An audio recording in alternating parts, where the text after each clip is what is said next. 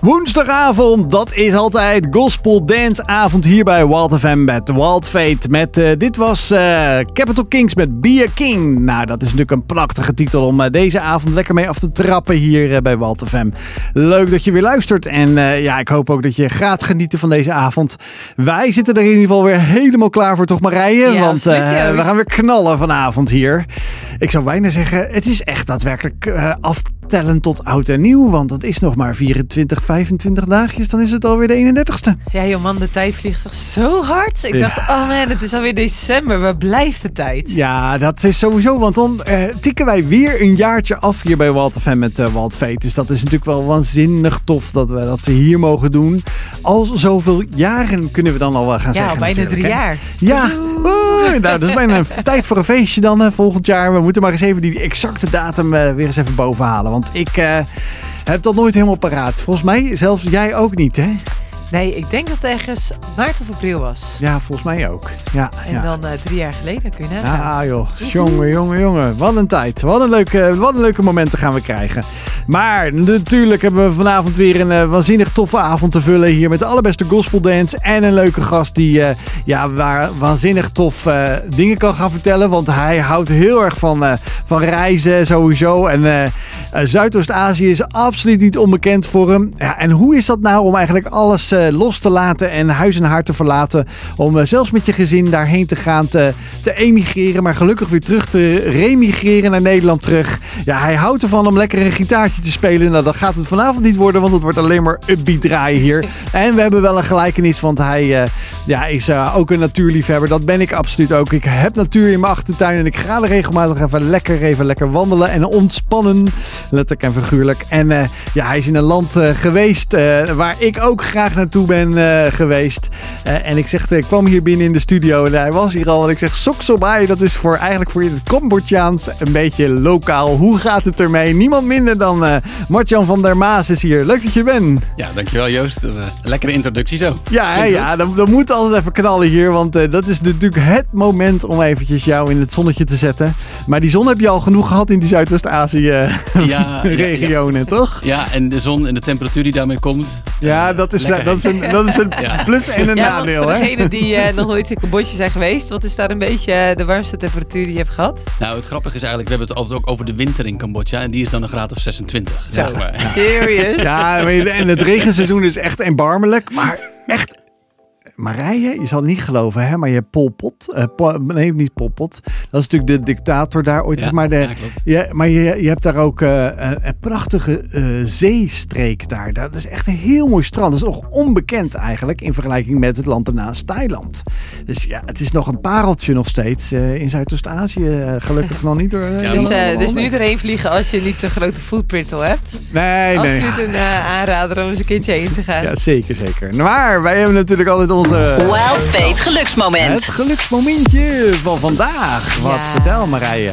Nou, degene die we een beetje kennen, die weten dat ik enorm van koken hou. En nu hadden we afgelopen zaterdag vrienden over te eten. En dan vind ik het zo echt heerlijk om te, na te denken over wat zullen ze lekker vinden om te eten. En dan lekker te kokerellen en uh, gewoon echt een fantastische avond te hebben met elkaar. Dus dat uh, ja, vind ik echt heerlijk. En uh, in de tijden dat ik zelf single was, dat is lang geweest uh, dan heb je wel eens hè, dat je alleen moet eten en dat eten zo'n ding wordt. En ik heb daarin echt gemerkt hè, dat het juist zo goed is om ook te weten. Je kunt andere mensen echt uitnodigen om bij jou te komen eten. En dan uh, voor het budget wat je daarvoor uh, beschikbaar hebt, gewoon echt heerlijk wat te koken. Dus ik zou zeggen, deel mijn geluk en, en nodig iemand uit om dit weekend lekker bij te komen eten. En, want dat maakt echt, eten met mensen, maakt je echt gelukkig. Dus dat wilde ik graag eh, delen. En Martjan, ik ben wel benieuwd. Wat is voor jou een geluksmomentje waarvan je zegt, ja, dat zou ik heel graag willen delen? Ja, eh, kijk, ik denk dat voor mij een geluksmomentje eigenlijk een geluksmoment is. Hè. Uh, ik kom echt net terug uit Cambodja van een hele toffe reis daar. Uh, Joost zei het al even, maar wij mochten daar echt heel tof werk doen. Een jongerenkamp gebouwd. En weet je, geweldige gebouwen, geweldige hardware. Maar het allermooiste zijn de mensen. Hè? De, de relaties die je op kunt bouwen met, met lokale mensen. Dat, dat echt goud. En uh, ja, nou, daar kom ik net van terug. Hè. Dus een geweldige ceremonie, maar vooral de contacten dan weer met, met, uh, met mensen met wie we zo lang hebben opgetrokken. En de hartelijkheid, de, warmte, zeg maar. En dan niet, niet de temperatuurwarmte alleen, maar die, gewoon dat je de, helemaal wordt omhelst en wordt ingenomen in zo'n cultuur. Ja, dat is voor mij echt een geluksmoment. eh, Ja. Daar kan ik nog wel even op kouwen, zeg maar. Ja, Dan zit hij te glunderen, jongen. Ja, ja, ja, ja, ja. Het is toch jammer dat we geen beeld hebben vanavond. Maar eh, ik, ja, ik ben heel erg benieuwd ook naar Cambodja, wat je daar gebracht heeft. En de cultuur daar. En ook gewoon, hè, dat je zegt, die hartelijkheid. Ja. Eh, maar daar gaan we straks meer van horen. Zeker weten. En Joost, eh, je hebt ook vast nog wel iets waarvan je zegt, ja, dat wil ik heel graag delen. Nou, elk Jij houdt ook altijd van eten. Nee, nee, nee, dit keer niet eten. Elk nadeel het zijn voordeel, zeg ik dan maar. Want er was namelijk een, echt serieus al heel lang geleden, in september, eind september, eh, ben ik betrokken geweest bij een aanrijding in, een, Oh. in de file. Iemand heeft achterop mij gezeten. Oh, wow. Gelukkig geen whiplash. ge- ge- het was alleen maar materiale schade. En dat heeft echt, nou ja, zo lang geduurd tot serieus eh, afgelopen dinsdag. Want gisteren mocht ik hem weer ophalen. Mijn auto. Niet dat hij daar de hele tijd heeft gestaan, maar mijn bumper was kapot. Eh, die was gescheurd, maar eh, ik kon gewoon rijden. Dus die man zegt geen haast. Ik zeg, oh, ik ook niet, zolang er niks gebeurt. Dus ik ga vandaag die auto, gisteren die auto ophalen, gistermiddag. En er zit naast een hele gloednieuwe bumper in de rest van mijn auto. Ziet dat er natuurlijk niet uit. Zit er ook nog een hele splinternieuwe trekhaak onder. Hij zegt, ja, hij zegt, we kunnen geen risico nemen. En die andere was echt versleten, verroest. Dat zag er niet. Dus ik heb een hele bonus gekregen. Ja, joh. Ja, dus ik heb een dubbel gelukje. Nou, dat is eh, natuurlijk prachtig om eh, dat eh, zomaar te krijgen uit het niets. Eh, ja, en eh, wat jij zomaar krijgt van ons is de allerbeste gospel. Nu met Oceans hier, Hillsongs. Lekker genieten en van een heerlijk avondje Wild Fate.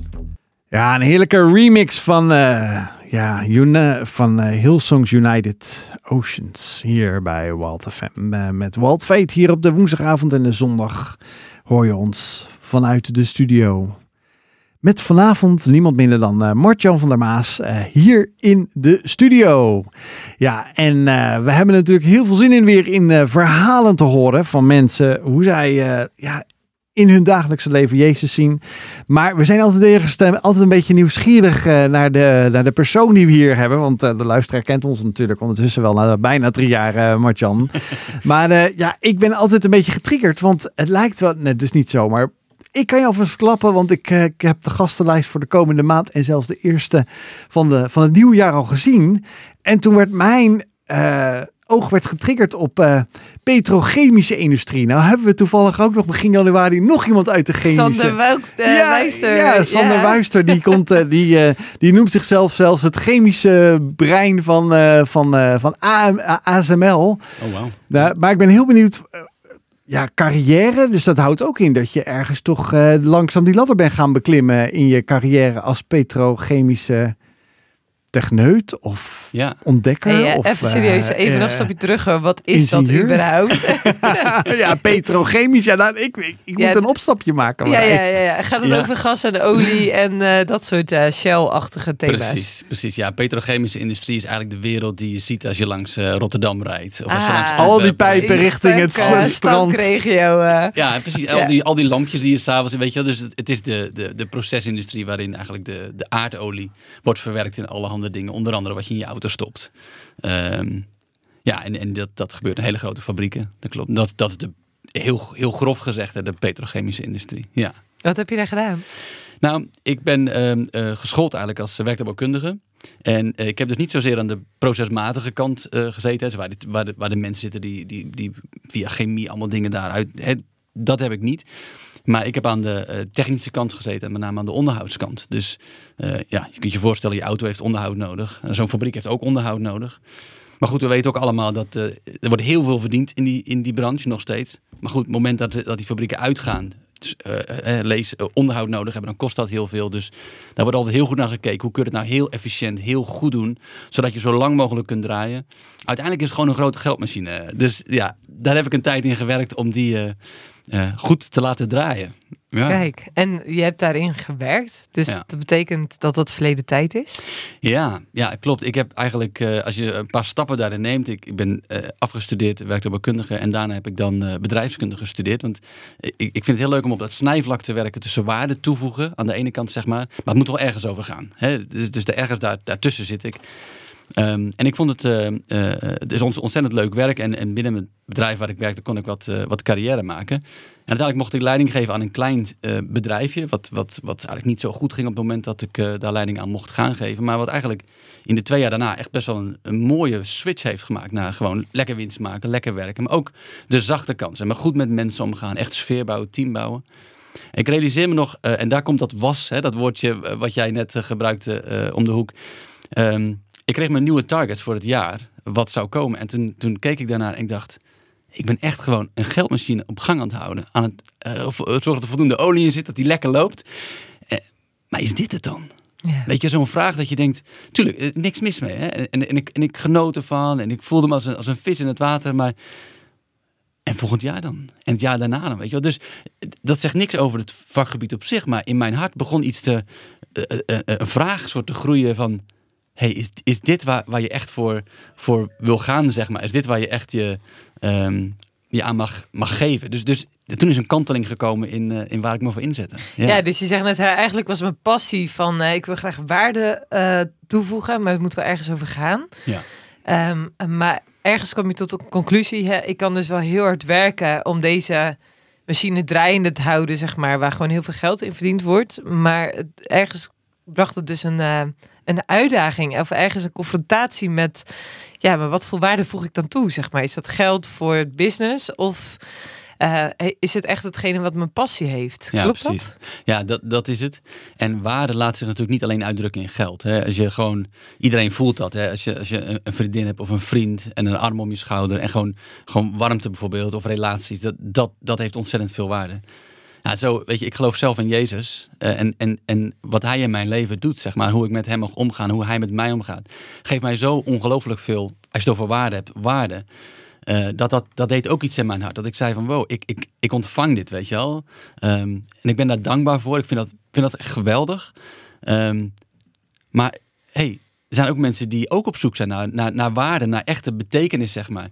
Ehm, ik zou het graag met hun willen delen, weet je wel. Gewoon willen, willen vertellen. En ehm, ja, dat, dat stukje waarde, zeg maar, dat, dat, dat zat al in mijn hart. Eh, als je wil, kan ik daar nog wel meer over zeggen. Maar, maar daar, daar wilde ik graag iets, iets meer mee. Dus dat werd op dat moment wel heel ja, in het bijzonder zeg ja, maar. en getriggerd. Van hey, je staat ook een soort op een keuzemoment, weet je wel. Wat, wat ga je doen? Voor welke waarde ga je?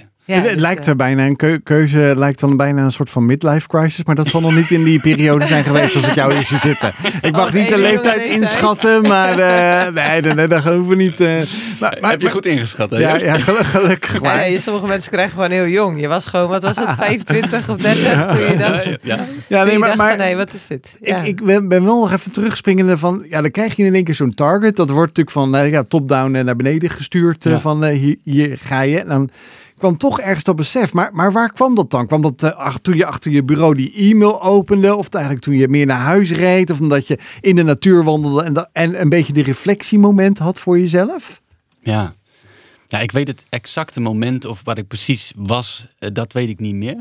Ehm, ik, ik weet, het was, het was zeg maar, eh, omstreeks deze tijd van het jaar. Hè? De, eh, Ja, zo, zo klopt. december dat die targets dan worden vastgesteld door de directie dan krijg je ze. En ik merk, ik weet niet hoe dat, hoe dat voor, voor jullie is of hoe dat voor de luisteraar is, maar ik merk altijd zeg maar, rond december en met name januari dat het wel een soort reset moment is van, hé, hey, waar ga ik voor? Hè? Een nieuw jaar en, en waar ga ik me dan op toeleggen? Of waar, waar mag ik voor gaan? Hè? Dat soort dingen. Dus dat speelde wel in die tijd. Ehm, het exacte moment weet ik niet meer. Maar eh, het, ja, het, was, het was, een, was in die periode. En het, het voelde voor mij wel echt van, ja, je, je mag hier een keus maken. Ja. En eh, ja, wat wil je? Nou ja, kijk, voor mij eh, is het eigenlijk wel. Ik mag ook wel alleen maar leuke dingen doen. En voor mij heb ik niet direct voor geld. Maar het is natuurlijk wel van eh, eh, producties die we afleveren. eh, dingen die we doen, zoals dit programma maken. Maar we doen ook heel veel podcasts die via twr.nl/slash podcast te vinden zijn. Ja. Die over een, een boodschap, een inhoudelijke boodschap gaan. Die we elke week moeten afleveren. Ja, dus daar zit wel een soort van target. Maar die verandert niet per definitie als ook de groei in een organisatie direct bij ons van toepassing is. Maar Marije, jij bent ook zakenvrouw. Ja. En je hebt allerlei eh, eh, nou ja, brands onder je. Hoe ga jij er zelf mee om? Om, de, om de, die target voor volgend jaar vast te stellen voor jezelf? Nou, het is wel een thema waar ik zelf ook veel ondernemers in meeneem. Van, hé, hey, waar wil je volgend jaar naartoe, zeg maar. En ook, wat wil je dus bouwen en wat ga je dan zaaien? Oh ja. En eh Mirjam van de Vechten weer een keertje gehad. En zij zegt, hey, je moet je dag beoordelen naar wat je zaait en niet naar wat je oogst. Dat vind ik een hele mooie. Eh, want ik denk dat het ook wel goed is om jezelf ook te realiseren van hey, wat wil ik dan zaaien zeg maar, in de levens van de mensen die belangrijk voor me zijn. Eh, dus als je gezin hebt of je hebt een partner of je hebt familie of je hebt vrienden. Uh, dan moet je dat ook meenemen dus in je targets denk ik ook voor het komende jaar. Even los van wat jij zegt, de waarde die in het leven is, is niet alleen maar geld. En ik denk dat onze maatschappij zo gericht is op als je geld hebt dan word je gelukkig of het draagt bij aan geluk. Mhm. geld maak je niet per se gelukkig, maar stiekem is wel de vraag, geloof ik dat ook echt? Zeg maar? Ben ik ook echt bereid om daarin offers te brengen, zeg maar, om alleen maar een carrière op te bouwen, omdat ik denk, als ik eenmaal boven de ladder sta, word ik gelukkig. Of dat je zelf realiseert, hè, maar het levensgeluk zit in veel meer dingen dan alleen maar ja, je business bouwen, heel veel omzetten, de target zo hoog mogelijk leggen. En, en maar ja, echt dat taakgerichte of dat omzetgerichte of dat winstgerichte of dat geldgerichte stukje. Maar echt na te denken ook over, ja, wat vind ik dan eigenlijk echt belangrijk? Dus ik zou zeggen, als je nu luistert, denk er eens over na. Waar wil jij in zaaien ook? Uh, ja, we gaan al bijna richting het volgende jaar. Waar wil je volgend jaar in zaaien? En wij gaan er even tussenuit voor lekkere muziek. Joyful van uh, Guy Brazil hier op uh, Wild FM met uh, Wild Fate hier natuurlijk. Waar je de allerbeste gospel hoort van nu en de toekomst. Want we hebben allerlei nieuwe tracks natuurlijk hier ook weer op de tracklijst staan. En komend jaar zien we ernaar uit om weer lekkere gospel voor je te draaien hier bij Wild FM. Ja, we zijn met Martjan in gesprek over ja, eigenlijk zijn start van zijn, van zijn carrière als werkbouwkundige. en daarnaast ook een stukje bedrijfsmatige dingen weten en doen. En toen kreeg jij die target uh, voor volgend jaar. Nou, we zitten ook in die periode onder ogen. Dat, uh, dat zei je ook mooi. We zitten ook in deze tijd van het jaar. Misschien ben je ook wel je nieuwe doelstelling aan, uh, aan het bedenken. Of heb je die gekregen van hogerhand? Of zoals Marije zei van, ja, wat, wat wil je zaaien volgend jaar om te oogsten? en dat kreeg je dus onder ogen te zien. En toen dacht je, hmm, ik weet niet helemaal of dit wel nu mijn ding is om eigenlijk de, de boel draaiende te houden en winst te maken voor een ander. Dat is niet zo erg, want dat zei je ook. Maar toen ging er wel bij jou uh, niet zozeer een lichtje branden, maar toen kwam er een vraag. Misschien wel bij jezelf in, is dit wat ik wil? Ja. Toen zei ik al, geen midlife crisis? Nee, gelukkig niet. maar er kwam wel die vraag. En, en toen verder? Ja, en toen verder. Um, kijk, wat ik, wat ik zo tof vind van God, ik geloof in Jezus, ik, dat hij leeft en hij spreekt. En dat kun je op allerhande manieren merken. Maar een van de van de manier waarop ik dat merkte, is dat toen ik die targets kreeg en toen ik eigenlijk die vraag gewoon van binnen voelde, weet je wel, dat ik dacht, ja, ik wil, ik wil hier antwoord op, maar ik realiseer me ook dat dit een beetje een grote vraag is met mogelijk hele grote consequenties. Want ja, je gaat een keus maken dan. Ik wil, eigenlijk, ik wil echt weten wat ik erin moet doen. En ik wil dus uh, uh, ja, verder kijken dan mijn eigen neus lang is, zeg maar. Ik, ik wil eigenlijk inspiratie hebben. Ik wil het van God horen. En ik realiseer me wel nog heel goed. Ja, je vroeg net, weet je een plek, weet je een plaats. Ik reed terug. Uh, ik, het hoofdkantoor van ons bedrijf stond in, in Rotterdam. En ik reed terug over de Zeelandbrug. Want ik woon in Zeeland toen de tijd. En opeens belt een kerel mij die ik een jaar lang niet heb gesproken. En hij zegt, uh, Marjan, ik moet ineens zo sterk aan je denken. Ik wil gewoon echt vragen, hoe gaat het met je? En, waar ben je geestelijk mee bezig? Wat zit er in je hoofd? En um, kan ik iets voor je doen? En ik denk, dit is best bizar. Waarom waarom bel jij mij, weet je wel? Maar dat gebeurde. En ik denk, hé, hey, hier moet ik iets mee. En, um, en ik deel dit omdat dit is zo'n moment waar ik echt naar terug kan gaan. Waarin ik echt iets van God heb gezien dat hij, hij, hij spreekt. Want hij sprak in dit geval gewoon door die vriend van mij heen. Die, die ik dus een jaar eerder had ontmoet bij een, uh, een of andere conferentie. Um, en, en, hij begon in mijn leven te spreken. En hij begon uh, zeg maar, mij ook richting te geven. Van, hé, hey, waar kan ik naartoe gaan? En... Um, ik heb later wel eens gevraagd van, joh, waarom belde hij me nou juist toen? Dat wist hij helemaal niet speciaal meer. Maar hij, hij, hij, hij moest gewoon toen eventjes contact opnemen. Nou, ja, dus eigenlijk uh, duid je daarmee, het toeval bestaat niet. Nee, dat denk ik echt. En, ik, eh, en dat, wil ik helemaal niet heel groot maken, zo van dat alles een betekenis heeft. En dat je, maar ik, ik geloof echt dat God in control is en dat hij dingen doet. En, en zeker als je daar gewoon om vraagt. Um, weet je, ik hou van dat symbool van open handen. Dat je gewoon je, je handen open houdt en zegt ja, ik weet het niet, hè, of, of ik weet het niet helemaal, of ik heb nog ik heb extra richting of bevestiging nodig. Of, uh, ja, zeg het maar, God. Ja. En dan, dan gaat hij echt wel, gaat hij echt wel spreken. Maar misschien, ja, misschien heb je nu wel, luister je nu wel, ja. dan denk je van, uh, wat zegt hij me nou hier? Hallo. Dus ik ben echt wel benieuwd, hoe, hoe, stel je voor, iemand staat op zijn kruispunt. Mm -hmm. En uh, jij zegt, ik geloof in God. Ik geloof dat hij daarin, zeg maar, hè, dingen in zijn hand heeft, dat, dat, dat hij almachtig is, zeg maar, dat, dat gewoon uh, spiritueel, zeg maar, de, de sterkste macht is. Ja. Ehm, maar hoe werkt dat dan? Stel je voor dat je dus inderdaad nu luistert zoals Jo- Joost zei en zegt: Oké, ik sta op een kruispunt. Hmm. Hè? Het nieuwjaar komt eraan. Of ik, eh, ik ben aan het kijken wat wil ik met mijn werk of in mijn relatie of whatever. Zeg maar. Er zijn zoveel dingen waar je op een kruispunt kunt staan. En ik heb eigenlijk wel een beetje divine eh, wijsheid nodig, zeg maar, goddelijke wijsheid nodig. Hoe kan God dan spreken? Ja, ik denk dat God echt op heel veel verschillende manieren spreekt. Hè. Ik denk dat het een soort, eh, ja, niet een soort, ik denk het is belangrijk. En ik, ja, dat zeg ik ook tegen mezelf, dat we een soort eh, attentive zijn of, of, of scherp zijn of kunnen luisteren, weet je wel. Ehm, een, een voorbeeld denk ik, wat, wat iedereen kent, is wel, je kijkt naar de zonsondergang en je zegt, dit is niet een schilderij, dit is, dit, dit is niet zomaar iets, dit, raakt je of het ontroert je, weet je wel. Of, ehm, of als je, als je je eerste kind in je armen houdt. Dat, dat is niet gewoon een, stuk, stukje vlees, zeg maar. Tuurlijk niet. Nee, dit, dit, dit, is, dit is leven, dit is, dit is een mens zijn. Maar daar zit iets, zit iets goddelijks in. Dat kun je, kun je gewoon opmerken, dat voel je. Ehm, en ik denk dus, God wil op, op die manieren spreken. Nou, dat zijn zomaar wat voorbeelden. Maar, ehm, maar bijvoorbeeld ook die toevalligheden waar we het net over hadden. Kijk, je kunt ze allemaal wegwuiven als toevalligheden. Maar stel dat je inderdaad luistert en je zegt van ja, ik weet niet wat ik volgend jaar moet. Of, of, of ik, wist- worstel met deze werknemer of met deze situatie of in de klas iets of whatever. Hè. En dat je zegt, nou, God, ik weet het eigenlijk niet. Maar ik wil wel, als u iets wil zeggen, wil ik wel luisteren. Weet je wel, dat- dat symbool opnieuw van die open handen. Nou, wees dan maar attentive, wees dan maar ehm, eh, open, zeg maar. Ja, en dan ga ik niet zeggen dat gaat hij op manier A of B of C doen. Ik bedoel, dat is God. Dat ben, daar ben niet ik. Maar ehm, ja, oren open, ogen open. God zegt u het maar. Kijken wat dan gebeurt. Het, het is ook een. Het is geen wiskunde, weet je wel. Het is niet een, een, een, foefje of zo. Maar als je gewoon zegt: hey, ja, ik sta er open voor. Ik wil, ik wil u horen.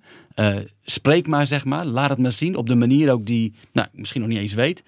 Die open houding. Ik denk dat God daarin wil spreken. Zelfs Ja. als je dus nog niet zou geloven. Stel als je zou zeggen, "Ah, I give it a shot. Ik probeer het gewoon. Ja, ik denk Eh, echt. Absoluut. Ja. Ja, weet je, eh, soms, soms redeneer, dat denk ik tenminste. Ik denk dat we God soms ook echt heel ver weg redeneren. Maar dat we eigenlijk, wat we doen, onze oren en onze ogen gewoon dichtmaken. Terwijl hij gewoon echt dichtbij is. En gewoon dingen, wil, dingen kwijt wil, weet je wel. Hij, hij is niet een boze God, hij is een goede God, weet je wel. Hij, hij, hij, wil je la- laten zien in, in, in wie hij is. Hij wil je eh, dingen van de wereld laten zien. Hij wil je dingen in relaties laten zien. Hij wil je leiden, be- besturen, weet je wel. Nou, ik, ik denk dat we daar, en wij allemaal gewoon een soort uitgenodigd worden om daar open voor te zijn. Ehm, en dat kun, je, dat kun je allemaal heel spiritueel noemen, zeg maar. Maar ik geloof uiteindelijk, waar we nou op zoek zijn in het spirituele of in de transcendent, is gewoon God zelf, weet je wel? Het goddelijke. Nou, en ik geloof dat het goddelijke eh, heel dichtbij is gekomen in Jezus. Maar daar kan ik nog wel uren over praten. Maar, maar dus, dat, dat is zo bijzonder. En hij wil echt spreken. Dit was Made to Be van Jesus Loves Electro. Nou, als je vaker naar ons luistert, live in ieder geval vanuit de studio hier in Amstelveen, ja, dan zul je dit nummer wel vaker voorbij eh, eh, horen komen. Want ja, dit is toch wel echt een van de lekkere nummers die we hier draaien bij Wild Fate. Zeg je nu van, hey, hebben jullie niet de playlist?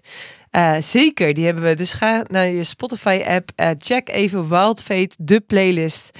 En dan kun je gewoon eh, ja, de tofste christelijke gospel dance vinden. En ja, ik vind het echt perfecte muziek om auto mee te rijden. Of lekker op te werken als ik focus oppakken of eh, wil gaan hardlopen. Zeker een aanrader. Maar we zitten vanavond in de studio met Martjan van der Maas. En ja, hij vertelde eigenlijk dat hij op een best wel groot kruispunt in zijn leven stond. En eigenlijk wel nieuwsgierig was eh, ja, naar de Heer God. Als u eh, ja, daar iets over te zeggen hebt, laat het me dan weten. En je werd onverwacht door iemand gebeld. Hij krijgt serieus niet het briefje, maar hij krijgt het belletje bijna uit Ja. Toch? Letterlijk, Zou je zeggen. ja. Ja, iemand die gewoon wist, ik moet Martjan bellen. En dat je achteraf vroeg van, maar even serieus, waarom heb je hem op dat moment eh, gebeld? En dat die persoon het ook niet wist. Dus het was echt voor jou soort van echt georganiseerd door God die een boodschap had voor jou. ja. Wat was het verhaal? Nou, van zijn kant was het op dat moment gewoon een uitnodiging van met eigenlijk ook weer open handen, want hij wist ook niet waarom. En hij wist niks van onze zoektocht op dat moment, zeg maar. Dus het was van hem gewoon een uitnodiging van, joh, ik heb het idee dat ik je moet bellen. En, ehm, maar ja, zeg jij maar hoe het met je gaat of wat ik voor je kan doen. Dus een open aanbod, zeg maar. Ja. En wat ik heb gemerkt daarna is dat eh, ik ben bij hem de koffie geweest en eh, met hem ge- doorgepraat. En, ehm, en, eh, we ontmoeten elkaar nog steeds af en toe, dus dat is wel hartstikke leuk. Ehm, maar het is een soort eerste stap geweest in een proces. Dat is wel iets anders wat ik merk dat het is, het is zelden, laat ik zo zeggen, dat je gewoon een soort uh, nou, een briefje of een belletje krijgt, hè, Joost, maar en, en, en dat dan ineens alles erop staat. Dat je gewoon de, de eindstreep al weet en precies, nou, je moet stap A en dan B en dan C en dan. Nee, het is, het is veel vaker dat, dat je zeg maar, zo'n telefoontje krijgt bijvoorbeeld en dan zet je een stap. Nou, en dan gebeurt er weer iets. En dan gebeurt er weer iets. En dan zeg ik, dit is, dit is te toevallig, weet je wel. Te toevallig om waar te zijn. En daar, daar zie ik dan Gods hand in. Um, dus in dit geval was dat belletje op de Zeelandbrug gewoon een eerste stap. Um, ja, en, daarna zijn er nog een heleboel gekomen die uiteindelijk gewoon uh, maakten dat we uh, gingen studeren. Dus ik heb uh, mijn baan opgezegd, maak even een paar stappen. Ik had uiteindelijk gezegd, oké, okay, ik, ik, moet, ik wil hier echt gehoor aan geven, weet je wel. Dus ik had mijn baan opgezegd. Dat was wel spannend ja. om, een, om een brief te schrijven. Ik zie me nog zitten, weet je wel. Uh, en toen uiteindelijk een plek zoeken om ons voor te bereiden. Want wij wisten van we willen heel graag dit goede nieuws van Jezus willen we heel graag brengen in een context, in een plek, in een omgeving waar dit nog eigenlijk zo weinig wordt gehoord. En uh, nou, dat, er kunnen natuurlijk tal van plekken zijn, maar ja, ons hart ging wel sneller kloppen, zeg maar, voor Zuidoost-Azië. Dus ja, dit, is echt een proces van stappen geweest, zeg maar. Waarbij ik elke keer merk dat als je een stap zet en kiest. En ergens zit er natuurlijk iets van um, onzekerheid in, mysterie in, maar ook gehoorzaamheid. Van hey, ik geloof dat dit te toevallig is om waar te zijn. Ik ga toch deze kant op bewegen. Dan zie ik ook elke keer dat, dat ook weer de volgende stap komt. Hè? Dat, dat God meebeweegt of zelfs vooruit gaat eigenlijk. En een soort, uh, ja, de weg wijst gewoon. Ja, weet, weet je wat het gaaf is van, van lopen eigenlijk? En we hebben dat niet zoveel eigenlijk, eigenlijk door, maar eigenlijk ben je aan het vallen. Maar op het moment dat je hersenen zeggen, je moet je volgende stap zetten, je been voor je zetten, dan begin je in de wandelmodus te komen. Ja. Kijk, maar, kijk maar eens naar kleine kinderen. Als je, uh, misschien heb je die wel, of weet je dat nog, of misschien weet je het zelf al. Maar heb het maar eens door, want eigenlijk is, is als je begint een stap te nemen, Ja, klopt. dan, dan ja, moet je bewust stil gaan staan, maar anders blijf je doorgaan. Ja. Of ga je nou ja, de kant op die je hoopt de goede kant op te gaan. Dat is voor jullie ook wel een heel bijzondere situatie geweest dan. Om eigenlijk de stappen te zetten. Want ja, je gaat je baan opzeggen, dat is niet voor niks. Je zegt zelf, dat ik kan me nog herinneren, ik ga weer studeren. En van wat ga je dan studeren? We willen naar Zuidoost-Azië, dat is al wel iets wat er in ons hoofd zit. Uh, maar je gaat weer aan de, aan de bak. Maar, maar is het ook makkelijk gestart uh, weer gaan studeren? En wat ben je dan gaan studeren? Ja, ja kijk, wat, ik, uh, wat, ik, wat wij ons echt heel erg bewust waren, is, en het is natuurlijk een beetje een no-brainer, maar Azië is zo'n andere cultuur, zo'n andere plaats. Kijk, je kunt weinig bedenken wat hetzelfde is eigenlijk. Hè? Je zou het om kunnen draaien. Alles is anders. En je wil, ja, tenminste, ik wilde niet naar die cultuur toe gaan met het idee van, nou, ik weet het wel even en hier is het. Weet ja, dan komen die Nederlanders weer die het wel allemaal beter weten. de, de, die, die, die, ja, nee. ja nou, dat niet, weet je. En, en ergens voel je al ook gewoon in hoe je het zegt. Er zit iets arrogants in of zo, toch? Dat je, dat je zegt, ik weet het allemaal en kom jullie maar even luisteren. Dus die, de houding die wij veel meer hadden was van, nee, weet je, uh, dit is een andere cultuur, dit is een andere taal, hier, hier gelden andere waarden.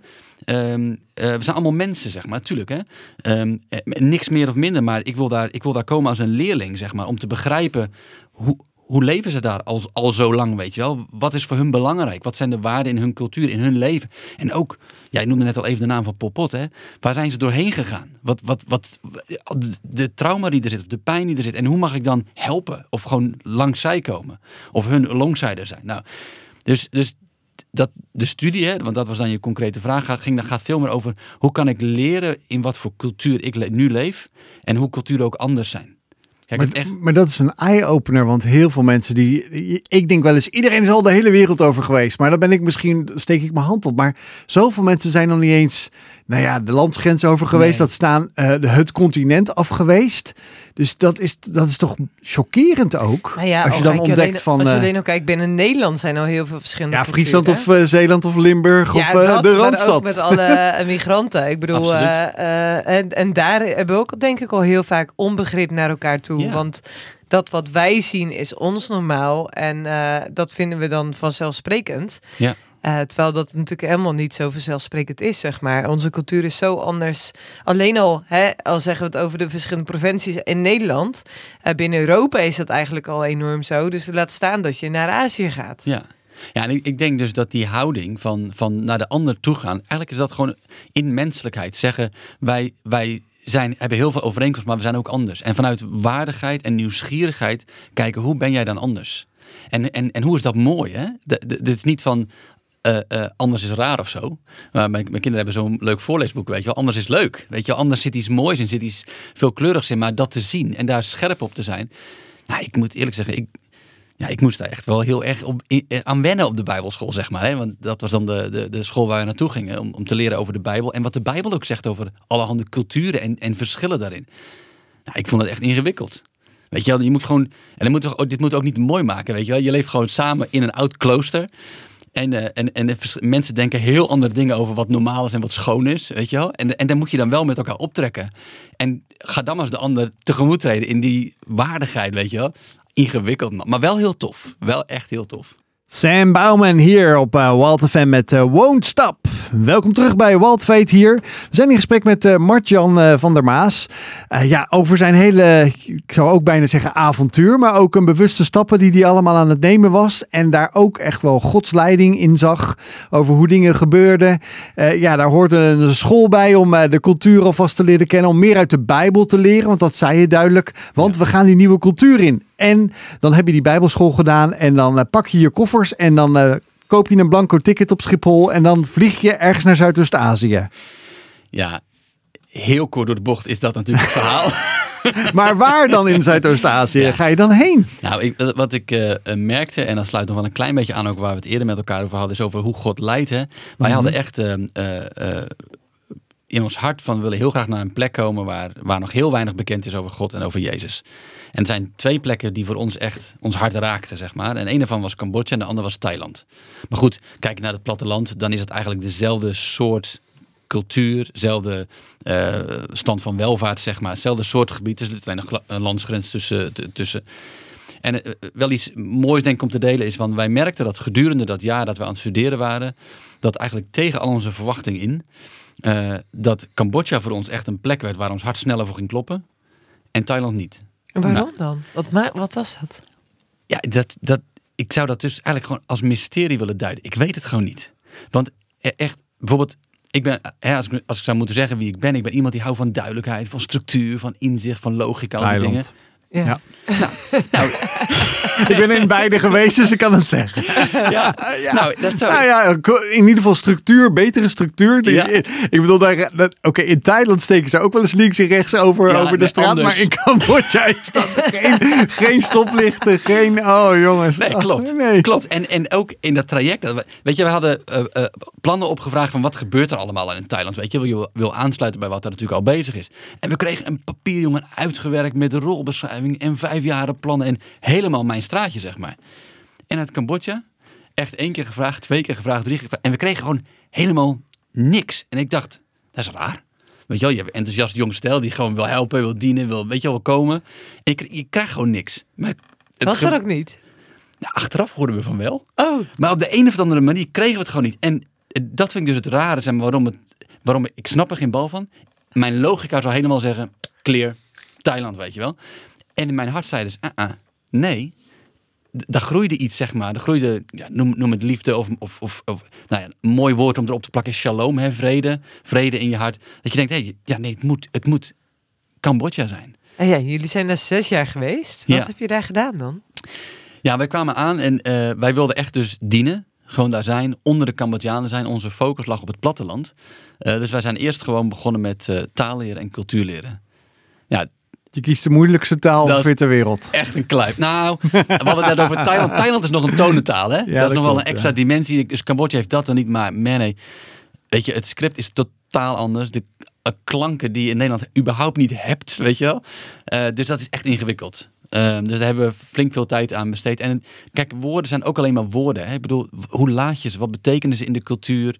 Ehm, eh, ja, ja, hoe, denken mensen? Alles, alles is echt anders. Dus nou, daar zijn we ehm, zeg maar anderhalf jaar ongeveer mee bezig geweest. En in die tijd hebben we eh alongsiders leren kennen. Want we, want we, ja, we wilden ook kijken van hoe, hoe kunnen we dan het beste aansluiten bij, bij de Cambodjanen. En eh, iets waar ik in die tijd wel mee worstelde, zeg maar, was van hoe kan ik nou als een buitenstaander eh, echt helpen, weet je wel? Want ehm, nou ja, als je binnenkomt met dat idee van ik weet het wel en ik zal het wel even vertellen, dat, dat, is, ja, dat is het gewoon niet. En ehm, wij hoorden toen van een organisatie die Alongsiders heet. En die hadden bijvoorbeeld een slogan waarin ze zeiden wij zijn outsiders En wij helpen insiders, je voelt hem al aankomen, om longsiders te worden. En dat definieerde zo mooi onze rol. Dat we zeiden, weet je, we komen en we komen langs zij. En we hebben ook iets te brengen in die zin van, we willen dienen. En en dat, is geweldig. En tegelijkertijd, er zal ook alweer een moment komen dat wij moeten gaan. Om wat voor reden dan ook. Maar jullie blijven, jullie zijn hier. Dit is jullie land. En ehm, ja, dat klikte. Dus nou ja, een lang verhaal en, en, door gesprekken heen en elkaar leren kennen heen hebben we toen uiteindelijk de keuze gemaakt om uh, bij Alongsiders aan te sluiten. En een van de mooie dingen was, uh, want je begon met, uh, met, met dat ik werktuigkunde heb gestudeerd en bedrijfskunde en zo. Uiteindelijk waren ze op dat moment, juist op dat moment, als je het, als je het hebt over zo'n knipoog van God zeg maar.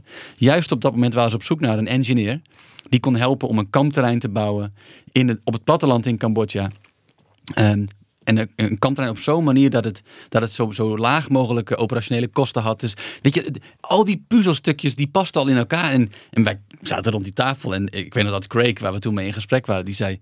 Uh, volgens mij hebben we alle puzzelstukjes hier zo wow. bij elkaar gekomen. En die komen hier bij elkaar. Ja, dat, dat was voor ons dat je zegt, ja, volgens mij zijn we hiervoor hier gekomen en mogen we hier gewoon instappen. Ja, dat... dus eigenlijk waar de reis begon, dat iemand je belt als je op de Zeelandbrug rijdt. Ja. Tot aan zeg maar uiteindelijk in Cambodja zitten en daar anderhalf jaar studie, cultuur en taalstudie gedaan te hebben. En je zit dan met die Greg aan tafel dat je echt merkt, zo, wauw, dit is, dit kan niet anders dan dat er een God is die dus mijn leven bestuurt. Dat we nu dus deze tijd ook mogen dienen, zoals je dat zei, van betekenis mogen zijn. Echt ja. impact mogen hebben in Cambodja. Ja, dit verzin je niet. Weet je wel, dit, dit, dit kun je zo'n verhaal vertellen achteraf. Maar dit, dit, dit script is niet mijn script. En dat, dat vind ik super vet. En dat, hè, dat, hoe we begonnen zijn, maar ik kom daar net van terug. Als je dan ziet hè, als outsiders dat we gewoon ook weer weg mochten gaan. Uh, en nou, ik heb net gezien hoe het gewoon draait. Ja. Hoe, hoe, we uh, uh, vijf jaar anniversary mochten vieren, weet je wel. En, en, en jongeren daar konden zien en zo. Ja, weet je, mijn hart gaat dan aan. En ik, dit was zo tof. Het is toch echt zo jammer dat we geen camera hebben, Joost. nee, ja, een en al shine, shine, shine, zeg maar zo. Ja, heel tof dat je ook gewoon iets afmaakt, iets, iets neerlegt. Dat je ook gewoon de lokale bevolking helpt om te groeien, letterlijk en figuurlijk. Niet alleen in, dat, ja, in het fysiek, hè, dus in het maken, in, in kennis schenken uh, praktisch, maar ook gewoon geestelijk. Dat je daarin gewoon je, je missie kan volbrengen in, in een heel mooi land, in een bijzonder Wat weinigen nog maar kennen. Ja, wij toevallig wel. Uh, dat is dan wel een heel bijzondere klik vanavond hier in de studio. Uh, ja, en ik, vond, ik vind het heel tof hoe je zo gepassioneerd kan vertellen over wat je gedaan hebt.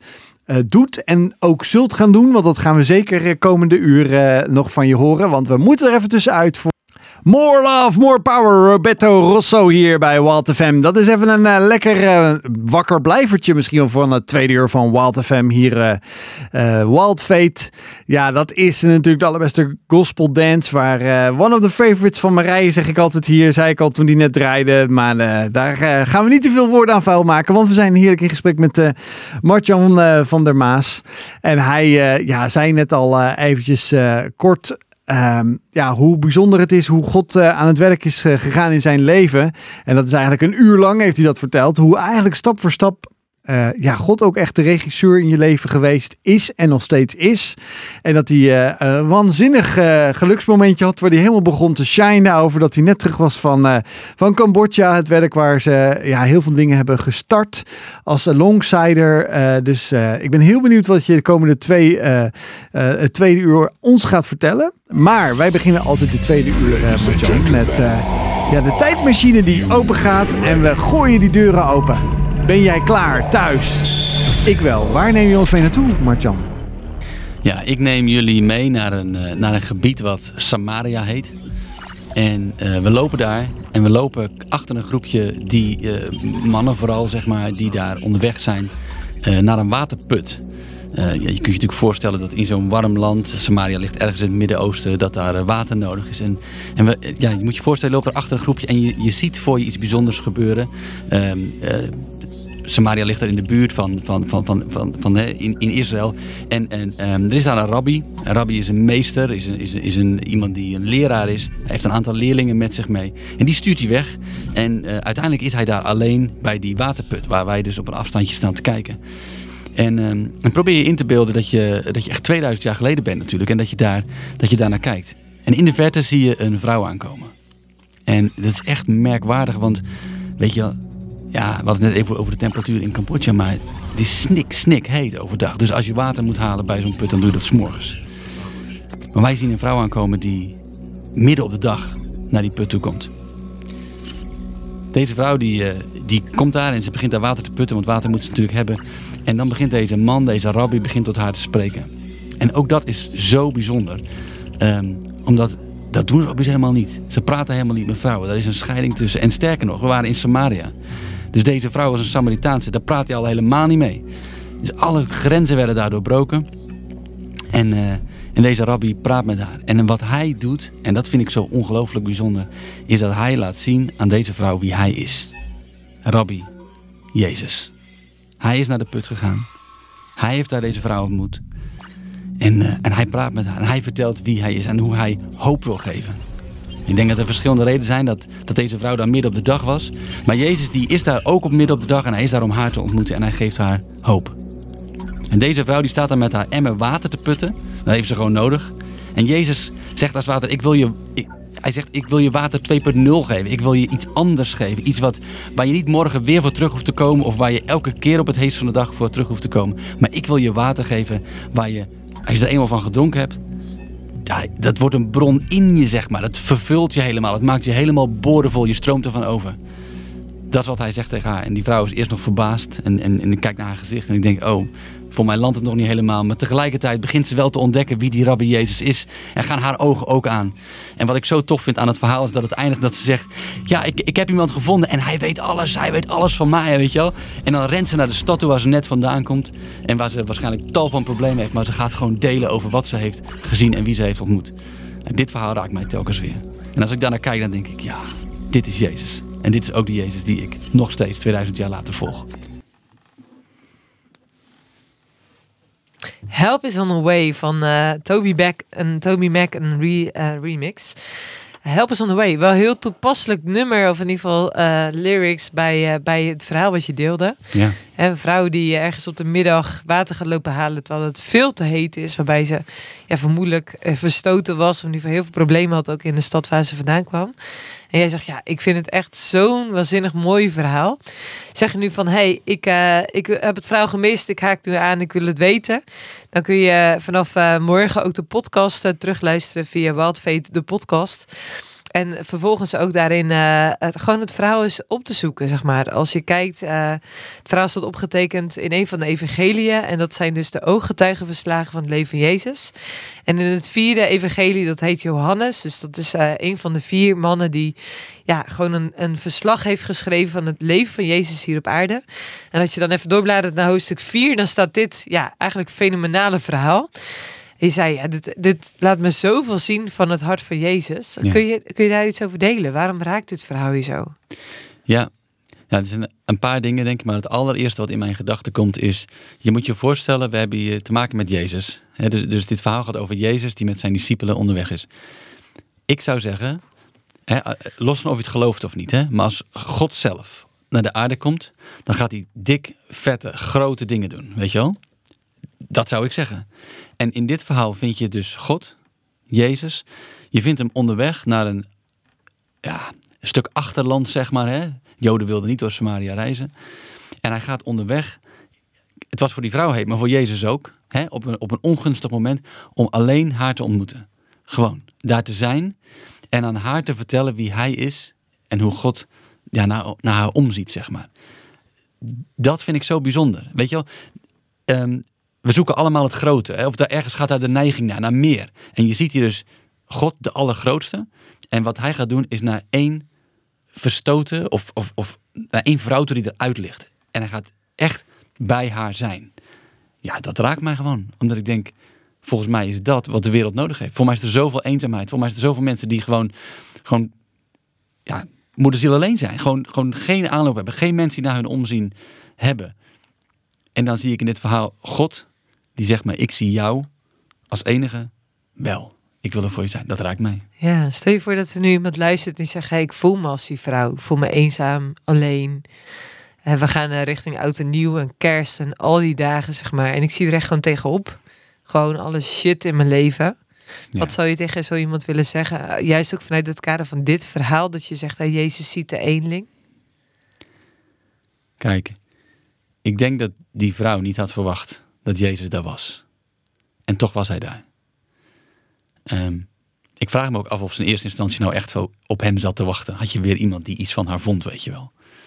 Maar zij was daar gewoon en Jezus ontmoette haar. Dus ik denk, weet je, als, als je zegt, oh dat zegt iets over mij, dat resoneert in mij, zeg maar. Nou, misschien moet je gewoon nu letterlijk eens je handen open doen en zeggen, God, ik ben ook alleen.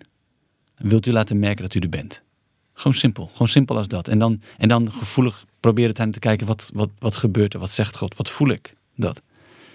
En een ander ding denk ik, weet je, Jezus was daar. Hij wilde haar ontmoeten. Ik denk dat er plekken zijn waar mensen zijn die jou, als je eenzaam bent, hè, er zijn plekken waar mensen zijn die jou willen ontmoeten. Zoek gewoon eens een, een kerk op bijvoorbeeld in je omgeving, kijk eens wanneer die open is. En klop gewoon aan en zegt, hey, ik voel me alleen. Misschien is dat een hele enge vraag, maar ga er gewoon eens naartoe. Vraag om een bakje koffie of net wat je wil, weet je wel. Maar zeg eens, hey, is hier een plek waar ik gewoon even mag zijn of zo? Of hey, heeft er, is hier iemand die tijd heeft voor een praatje? Die plekken zijn er gewoon. Dus ja, ik wil je niet op zeggen waar nu, ben je, nu ben je eenzaam en uh, moet ook nog zelf gaan fixen. Dat bedoel ik niet. Maar er zijn open deuren. Ja, ja. ja waar we regelmatig ook wel op tippen is, uh, is Alfa Nederland. En bij Alfa Nederland, hè, ik deel dan het begin al van hey, hoe tof is het om uh, zeg maar met mensen te eten. Dat is ook hun concept. Ja. Als je aanmeldt voor een Alfa cursus, heel vaak kost dat echt helemaal niks of heel weinig. Dan uh, kun je gewoon met elkaar eten. Uh, kun je mensen ontmoeten, heel laagdrempelig. En gaan ze je ook iets vertellen over wie God is. Over ja, wie, wie hij is, wat hij doet. En wat hij zou kunnen doen ook in jouw leven. Maar dat is echt ook voor jou als je zegt... Ja, ik, ik, ik ben wel benieuwd naar die, naar die Jezus die dus zo'n vrouw ziet die echt in eenzaamheid leeft. Die, die op het midden van de dag uh, water haalt waar iedereen normaal s ochtends zou gaan, maar dat ze dat niet ziet zitten, zeg maar misschien wel door de blikken van de andere vrouwen die dat deden. Als je dat zo ervaart, zeg maar, hè, dan mag je weten, je bent zo welkom. En als je dan zeg maar googelt op Alfa Nederland, uh, in heel Nederland starten er vast in het nieuwe jaar weer uh, Alfa groepen. Uh, dan kun je dus voor, uh, volgens mij zes avonden of zelfs nog meer in een weekend. Nee, meer voor mij ook, ja. ja. Wel, wel tien momenten of zoiets. Ja. Nou, dus ja. dan heb je, kun je tien keer met mensen eten. Super gezellig. Maar daarin ook een relatie bouwen. Maar ook meer weten van hem. Maar wie is die Jezus dan? En ja, wat als hij dus naast mij komt lopen of naast mij komt zitten en daarin uh, ja, mij ziet en, uh, en dat ik juist misschien wel met die open handen, wat al een paar keer terugkomt ook in deze uitzending, en nieuwsgierig mag zijn. Maar wat als God zou bestaan? Stel je eens voor, wat als het toch eens zou zijn en hij jou ziet en hij zegt, hé, maar ik vind jou bijzonder. Uh, maakt niet uit wat je levensvrouw is. Maar ik wil gewoon mijn verhaal, mijn liefde met je delen. Ja, hoe fantastisch zou dat zijn?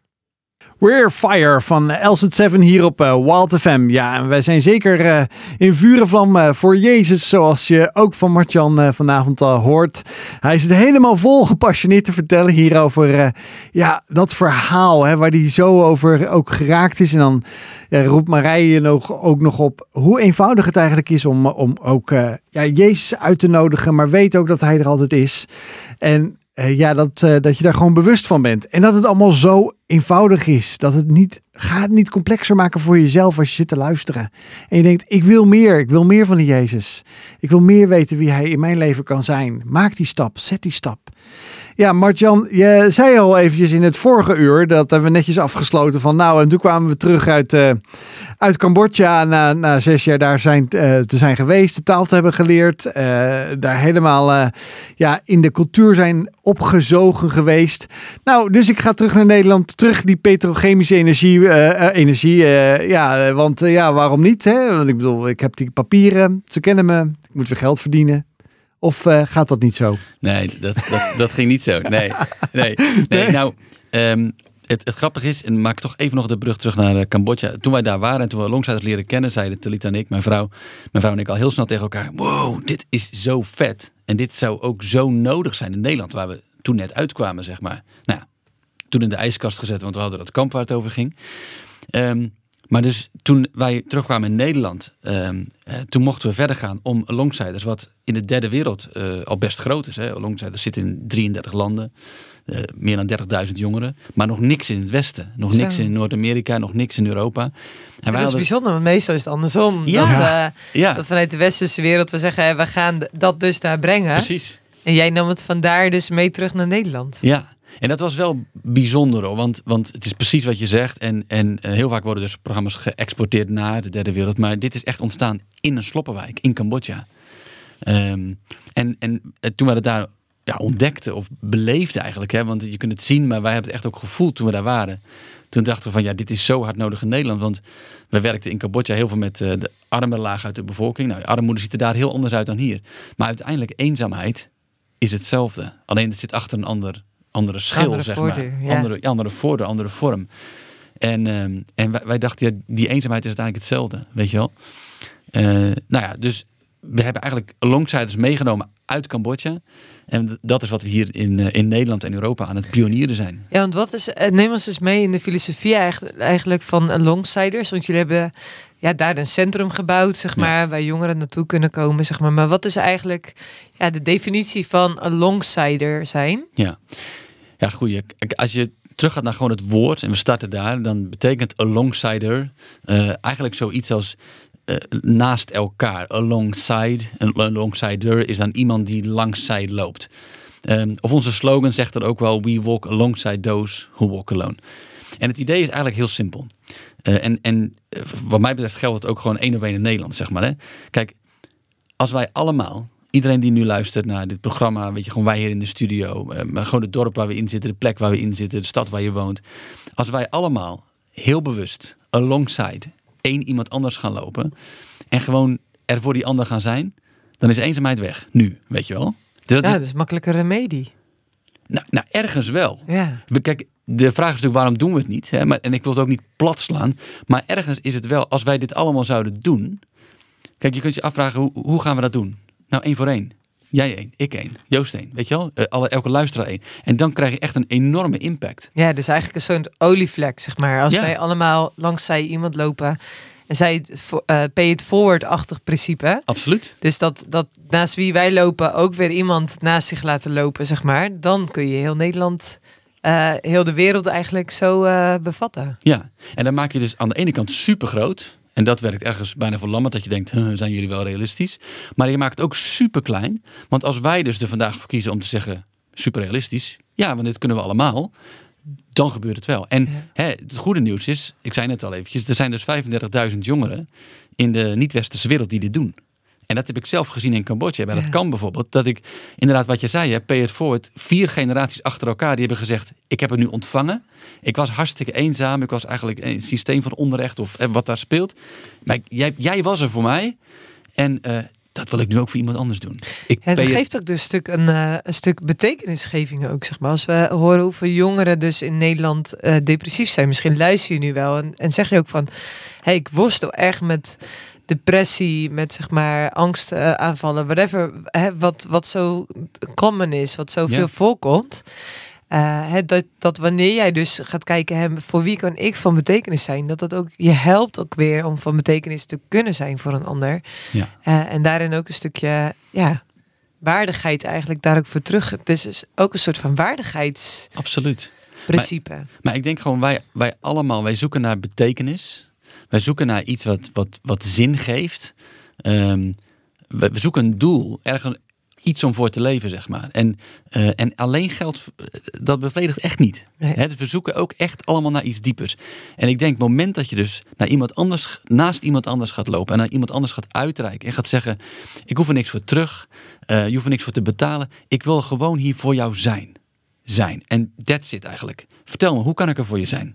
Nou, misschien is dat niks, alleen maar zijn. Of alleen een biertje drinken. Of, of eh, een boek lezen. Of eh, high tea doen. Weet ik veel. Aansluiten waar die ander is. En gewoon zeggen, ik, maar ik wil er voor jou zijn.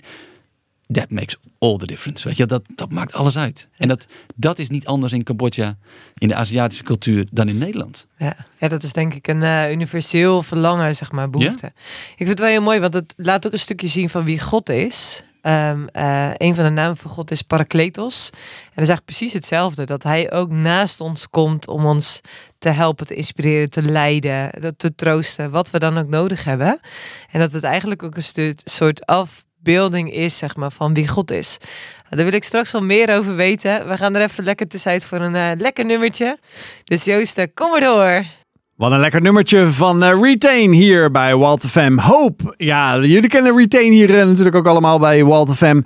Hij is een eh, ja, gerenommeerde gospel DJ, maar hij komt ook zeker graag bij de Amsterdam Dance Event jaarlijks om inspiratie op te doen bij de conculega's van de dance scene hier in Nederland. Want daar komen toch ook wel de meeste beste DJ's vandaan. Je zou het niet zeggen, maar die draaien we ook hier lekker bij, bij Walter Fam natuurlijk. Overdag bij mijn collega's. Ja, we zijn in gesprek met, eh met Martjan over eh, ja, zijn eh, terugkomst in Nederland. En daarin eh schetste die eigenlijk van, nou, wij zijn de Longsiders Nederland begonnen. Omdat we dat echt zien, die impact die het heeft. En dan denk ik bij mezelf wel van, hoe lang geleden is eh Martjan, dat jullie terugkwamen in Nederland? Ja, ongeveer 3,5 jaar. Nou, eh, volgens mij is er in 3,5 jaar, ik oneerbiedig, dat is niet, ligt niet aan de longsiders, laat ik het zo zeggen.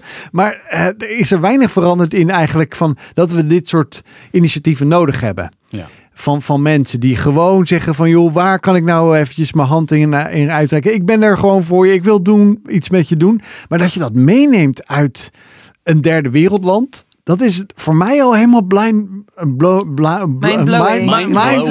Ja, het is al laat, het is al laat op eh, de woensdagavond. Dat ik echt denk, hè, hoe dan? Hoe dan, weet je wel? Maar, maar dat toch, je neemt dat mee. Je komt in Nederland, je gaat dat implementeren. Of je gaat ermee aan de slag. Je hebt al een beetje wat gezegd. Ja. Maar hoe, gebeur, hoe embed je dat nu in, je dagelijks, in jullie dagelijkse leven dan? Ja, ja eh, ik zou zeggen, practice what you preach. Hè? Dus, Ja. dus ik, ik zit hier de longsiders, eh eh, ben ik mee bezig, zit ik ergens te verkopen, weet je wel. Ik ben er hartstikke enthousiast over. Maar kijk, ik loop zelf gewoon voeten in de modder. Gewoon ook naast een jongere broer in mijn geval. Waar ik gewoon meerdere keren per week contact mee heb, waar ik mee optrek. Hij heeft mijn telefoonnummer natuurlijk, hij mag mij bellen. Maakt me niet uit hoe laat het is, ik wil er echt voor hem zijn. Dus... ehm, eh, ik ga zijn naam hier niet noemen, maar hij is bijvoorbeeld vorig jaar ehm, eh, in een burn-out terechtgekomen. Ja, wie is er dan voor je? Weet je wel, als de druk zo hoog is dat je eigenlijk gewoon niet meer trekt. Nou, ik, ik zei gewoon, ik wil er gewoon voor jou zijn. Bel me maar, weet je wel. Eet met me mee. Eh, gewoon, ik ben gewoon welkom in mijn, in mijn gezin. En, en geen vraag is te gek. Kom maar gewoon. En vooral ook wat, wat ik net ook even zei, ik wil, ik wil er gewoon zijn. Nou, in die tijd, dat was gewoon zo vorig jaar. En dat was echt ook mijn hart en mijn houding. En nu hoor ik hem er wel eens over terug, dat, dat hij zegt... Ja, maar jij was er gewoon. En dat was zo belangrijk. Nou, dat is niet meer zeggen hoe goed ik ben, zeg maar. Maar het is om aan te geven... Weet je, dit kan iedereen. Uiteindelijk er, er gewoon alleen maar zijn, beschikbaar zijn, dat kunnen we allemaal. Ja, maar dat, is, dat raakt wel een stukje durf je machteloos, zonder dat je het kunt fixen Ja. op kunt lossen, naast iemand te staan. Ja, En ik denk dat dat een van de moeilijkste dingen als mens zijn is dat jij kent, jij zit in de shit, ja, hè, dat, dat je hebt moeilijkheden. Ehm, hè, soms denken we dan, hè, dan kun je dit doen of dan kun je dat doen of dan kun je zus doen of we komen met allerlei het beste sch- scheepsluis staan aan wal eh, gedachten. Maar dus het kunnen verdragen dat iemand in een moeilijk seizoen zit en dat je het niet kunt fixen, is misschien wel een van de moeilijkste dingen om bij te blijven als mens. ja. Ja, en ik denk dat dat misschien, als je daar zou mogen, verschil zou mogen maken, dat het nog wel moeilijker is in de westerse context. Want wij hebben zoveel dat we bijna denken dat we alles al kunnen fixen. Hè? De maakbaarheidsdenken of de maakbaarheidswereld. Dus heb je een probleem, dan doe je A, B of C en dan is het opgelost. Ja, En en, zijn- dan ligt het vaak ook nog aan jezelf. Want je, je hebt er zelf voor gekozen. Ja. Of je bent zelf tot het punt gekomen dat je leven shit is nu. Ja, dus dikke pech voor jou. Ja. Ja, en daar zit je dan, want je kunt er op dat moment dan niks mee. Ehm, en je, je hebt ook geen optie A, B of C om het te fixen. Dus inderdaad, je zit dan op dat punt dat je niet kunt veranderen. En ook ik, als ik langs zij kom bij hem, wat ik deed, ik kan het ook niet oplossen. Ik heb ook niet A, B of C. En daarin kunnen we echt wel iets leren van bijvoorbeeld die jongeren in Cambodja. Die zitten in een systeem van onrecht, dirt poor, weet je wel. Wat voor oplossing hebben zij? Ook niet. Maar eh, voor mij was het eh, moeder Teresa, die is ook wel bekend. Een van die, stemmen, een van die heilige vrouwen die tof werk heeft gedaan. Die zegt, ja, de, de grootste armoede is gewoon alleen zijn, niet geliefd zijn. Het is niet dat we geen oplossing meer hebben, maar dat je in het geen oplossing hebben alleen bent. En daarin kunnen we allemaal het verschil maken, omdat we gewoon mensen zijn die mensen kunnen opzoeken. Ja, dat is rijkdom. Een andere soort rijkdom dan geld. Maar Ja, dat denk ik ook echt wel. Maar laatst sprak ik een dame hier bij ons in het pand, eh, hier in Amstelveen. En zij zei, ehm, je hoeft je socials maar te openen, Instagram, whatever. Ehm, en overal wordt eigenlijk verteld dat zolang je maar positief denkt, zeg maar een beetje die law of attraction, zolang je maar positief denkt en proclameert of vision boards maakt, welkom, we zijn bijna in 2024, hè, dan gaan, gaan er heel veel berichten over. Als je het maar bedenkt, dan beweegt het universum en dan gaat het allemaal goed komen. Eh, dat haakt ook een beetje aan, zeg maar, dat je dus zelf een stuk maakbaarheid zal hebben als je het maar positief bedenkt, dat het dan wel goed komt. En haar conclusie was, dat is echt bullshit gewoon. Zo werkt het leven niet. Ik zeg nou, hè, eindelijk is iemand die daar tegenop durft te staan, maar het is wel iets wat je overal hoort. Ja. Alle jongeren die ik spreek, die, die worstelen met de gedachte, hè, het lijkt allemaal maar zo makkelijk te moeten kunnen als je het maar positief bedenkt en uitspreekt en affirmeert, whatever allemaal. Ehm, en jij zegt, hè, het leven is soms gewoon moeilijk. ja, Eh, en het is er zo belangrijk dat we beschikbaar zijn, zeg maar, voor elkaar. Maar ook dat, dat je kijkt in je omgeving, is er iemand die beschikbaar voor mij zou kunnen zijn? ja. En als je dat nu niet hebt, zeg maar, ga eens om je heen kijken. Is er ergens een kerk, een alfa-groep? Eh, want dat is eigenlijk het hart van, ja, van, van Jezus, van God, om daarin jou te zien, waar je ook zit, hoe shit jouw leven ook is, zeg maar. Je bent daarin zo welkom om Ja. Ja. te weten, God wil ook bij mij alongside komen. Ehm, maar hij heeft de kerk bedacht. De kerk is een instituut, zeg maar, maar mensen bedacht, zeg maar, die zeggen: ik, ik geloof in Jezus, dat zij bij jou ook langs zij kunnen komen. eh, eh, om met je mee te dragen wat, wat jouw shit is, maar daarin ook, ja, ook zicht te hebben op beter. Ja, ja ik zeg eh, helemaal mee eens. Dit, dit is het, ja. En over die maakbaarheid. Ik moest denken aan eh, hashtag filter, weet je wel. We maken alles heel mooi. Maar er zit juist ook heel veel kracht in. Gewoon kwetsbaar zijn. Ik heb even geen hashtag filter. Het lukt even niet. Maar zou je er voor me willen zijn? Weet je wel? Zoek gewoon iemand op ehm, die je vertrouwt. Of, of inderdaad ga naar een alfa of naar een kerk toe. Ehm, ik, ik, ik denk dat mensen hier echt, eh, tenminste dat hoor ik om me heen, echt ook steeds terug van ja, maar dit is precies wat ik nodig heb, zeg maar. Want herken jij dat zelf ook? Ja, ik zie, ik zie het wel. Ik, eh, ik heb een aantal, dat noem ik mijn meiden. Zeg Oh, maar ja. meiden met wie ik sommige tijd wat meer optrek, soms wat minder. En dat ik echt merk, hè, soms dan heb ik na jaren weer contact met een van die meiden waar ik dan eh, lang mee opgetrokken heb. En dan die groei te zien, maar ook dat ze weten, ik kan Marij altijd bellen. Ja. Ook al hebben we even geen contact gehad of ook al heb ik keuzes gemaakt waarvan ik nu achteraf denk, eh, ik kan mezelf wel tegen mijn kop aanslaan. Maar daarin weten, ik ben dus altijd welkom, dat het ook echt zo belangrijk is. En ook de realisatie, maar het leven is helemaal niet maakbaar. Gewoon, er gebeuren altijd dingen in het leven waar je geen grip op hebt. En waar je ook geen grip op zult krijgen. En de vraag is, wa- ja, wat is dan je toevlucht? Hè? Wa- Wat is dan je water, wat je net zei? Ja. Eh, waarmee dorst je dan eh, eh, ja, de- de dorst die eigenlijk in je hart leeft naar een stuk betekenisgeving van betekenis zijn en mogen zijn. Ja. En ik denk dat dat enorm belangrijk is, is dat je daarin gaat kijken. Hè. We hebben allemaal copingmechanismen. Als het leven shit is, wat doe ik dan? Ja. Eh, en de meest gezonde coping is denk ik dat je zelf realiseert, hem, er is een God die heeft alles in zijn hand. En bij hem ben ik altijd welkom en zijn liefde is elke dag nieuw, zeg maar overvloedig. Maakt niet uit wat ik voor, allemaal op mijn kerfstok heb staan, maar ik mag me daar welkom weten. En ik denk dat dat een van de mooiste dingen is. Delise met kleine dingen. Nou, dat zijn eh, knipoogjes voor mij als eh muzieksamensteller. ergens eh, zet ik ze wel op een playlist, maar ze vallen zo mooi in een uitzending als vanavond weer bij elkaar. Kleine dingen. Want het gaat om die kleine dingen die je voor een ander kan betekenen. En dat is eigenlijk niets anders dan de oproep die vanavond dan de hele tijd klinkt door Martjan zijn mond heen. Van joh, kijk naar die ander, zie om, ga naar iemand toe, zeg ik heb tijd, ik heb ruimte, kom naar me toe. Je hoeft niks te zeggen. Jij dus hè, als persoon. Maar dat is misschien eh, wel eh, wat Alongsiders Nederland natuurlijk wil betekenen voor, voor de ander. Eh, maar hoe kan ik nou een longsider worden? Of kan iemand een longsider inschakelen? Ja, ja. Ja, ja. Antwoord is ja, Joost. ja.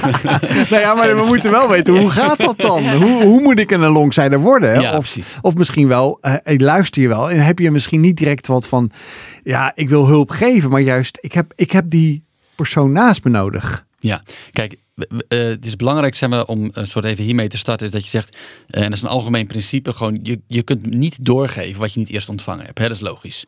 Ehm, dus, dus het is belangrijk dat je weet waar, waarom je geeft en uit wat voor bron je geeft. Zeg maar, hè? Dus ehm, als, je, als, je, als je kijkt van, van de, de jongeren in Cambodja bijvoorbeeld die doorgeven. Dat zijn allemaal jongeren die uit dezelfde omgeving komen. Die hetzelfde hebben meegemaakt. Maar die ze allemaal ook hebben meegemaakt dat Jezus in hun leven is gekomen. En daarom zeggen ze, dat vind ik zo geweldig. Denk ook terug aan die, aan die vrouwen uit dat verhaal, weet je, van 2000 jaar geleden. Zij had iets meegemaakt. Dat zette haar in vuur en vlam. Ja, want ze ging terug naar haar stad. Ja, En dan ging iedereen vertellen over die Jezus die ze had ontmoet. Die man die dus alles van haar wist. ja, ze liep helemaal over van blijdschap en van vreugde. En ze zegt, dit moet iedereen weten, weet je wel. Dus dat haar bron, letterlijk ook zeg maar, was op dat moment eh, dat wat ze in Jezus had gezien en hoe ze hem had ontmoet. Eh, dus terug naar dat, je kunt alleen maar doorgeven wat je eerst zelf ontvangen hebt. Dus als je nou zegt, eh, ik luister en, en ik wil heel graag alongsider worden. Kijk, wat wij als alongsiders doen is jongeren die, eh, of, of ja, jongvolwassenen, eh, die, die zelf Jezus hebben ontmoet, helpen om dat door te, gaven, door te geven. Dus pay it forward. Dus dat is, dat is wat wij doen. Dus als je hier naar luistert en je zegt, yes, dit is wat ik wil, ja, dan weet je waar je moet zijn. Alongsidersnederland.org. Hè, dus daar staan alle tools voor je klaar.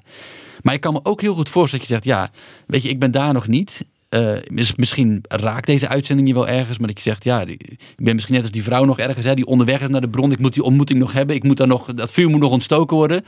Eh, maar dat je zegt, ja, ik, ik voel me wel eenzaam. Of ik voel me wel, ehm, eh, ja, naar wie moet ik toe? Hè? Ehm, dat, is, dat is een andere doelgroep. Daarvan zeggen wij van, ja, wij willen je ook heel graag helpen. Maar dan heb je dus eigenlijk een alongsider nodig. Iemand die naast jou komt lopen. Ehm, en wat ik, wat ik tegen die doelgroep zeggen is van, joh, ga naar, nou, het is al een paar keer langsgekomen, ga naar zo'n geloofscommunity toe, Alpha groep bijvoorbeeld, hè, kijk op de website van Alpha, of ga naar een kerk toe bij jou in de buurt en zeg gewoon, hey, ik ben alleen. Ehm, ik heb deze uitzending gehoord. Eh, ik, ik hoorde deze verhalen van van die van der Maas daar. En eigenlijk heb ik gewoon iemand naast mij nodig. Wie van jullie kan dat voor mij zijn? Nou, dat is misschien ergens een spannende vraag. Maar ergens ook een hele... Ja, je hebt het nodig, weet je wel? En ehm, als ik dan naar de kerk ga... Nou, er wordt van alles nog wat gezegd over de kerk. Maar dit is de, ja, toch wel een van de essentiële dingen waar de kerk voor bestaat. Dus het is niet zo'n gekke vraag als je die daar stelt. Dus ik zou zeggen, trek de stoute schoenen aan. En als je zegt, ik ben alleen... Ga gewoon, eh, ga gewoon daar naartoe en stel de vraag. Nou, dat is een eh, duidelijk eh, eenvoudige oproep. Kan het, het kan niet eenvoudiger worden vanavond. Ik ben ook wel heel benieuwd, eh Martjan, heb je ook een, een, een ja, verhaal van iemand die je misschien ook wel in, in, in, in je voor, ja, ik wil zeggen in je voorhoofd hebt zitten, die echt op je netvlies staat, dat je denkt van, hé, hey, maar ik heb eigenlijk misschien wel ook voor jou thuis, als je nu zit te denken van, ja, maar hoe dan en wat dan? Je zegt nou wel, ik kan naar zo'n alpha cursus of ik kan naar alongsidersnederland.org gaan om me op te geven dat ik enthousiast ben geworden. Maar, maar, maar heb je dan eens een tastbaar verhaal voor ons? Ja, ja ik, heb, ik heb één verhaal wat, eh, ja, wat ik op verschillende plekken al een aantal keer heb gedeeld, maar wat steeds mijn eigen hart ook weer raakt. Is eh, in, ons, in ons laatste tijdje in Cambodja, toen kregen wij een, een vriend van ons op, op bezoek die daar ging afstuderen. En, eh, en daar kreeg hij uit eerste hand mee wat Alongsiders deed. Eh, en Is hij een moest- Nederlander of een Cambodjaan? ja, hij was een Nederlander. Ah, ja. ja. zijn naam was Tom. Ja, Tom. En hij komt uit Rotterdam. En, ehm, eh, maar Tom had daar meegemaakt en gezien wat de longsiders was. En, en hij ging weer terug naar, naar Rotterdam. En hij zegt, Marjan, kan ik dit ook in Nederland doen? Ik zeg, Tom, tuurlijk kan jij dat doen, weet je wel. Dus hij ging naar Nederland toe en, ehm, en zij trokken als groep jongeren. ehm, en dit zijn jongeren die, die, die, die aan zijn geraakt door Jezus, maar, die, het tof vinden. Die hem tof vinden. Die, die, die trokken al een tijdje met een groep jongeren op. En Tom heeft gezegd, wij moeten dit anders doen. Laten wij als, als groep jongeren, zeg maar, laten we allemaal één ander kiezen waar we, waar we echt naast gaan lopen, waar we echt in gaan investeren. Nou, dat is wat Tom heeft gedaan samen met zijn, met zijn vrienden, zeg maar. En eh, anderhalf jaar geleden belde Tom mij. Hij zegt, joh, Juventus leven, want zo heet zijn jongere broer, is echt op de kop gegaan. Het is echt helemaal getransformeerd. Wow. Het is helemaal veranderd. Tom had hem voor het eerst meegenomen naar een jongerenkamp. En Juventus ging helemaal open, zeg maar. Hij, hij bloeide gewoon. En hij, hij zegt, wow, die, die hoop, Tom, die jij hebt, waarom je dit doet. En waarom je naast mij bent gaan lopen, die heb ik nu zelf ook. Nou, ik vind dat zo vet. Dus eh, afgelopen zomer was ik weer op dat jeugdkamp. En Juventus was er ook. En dan denk ik, ik zie echt een andere jongen lopen.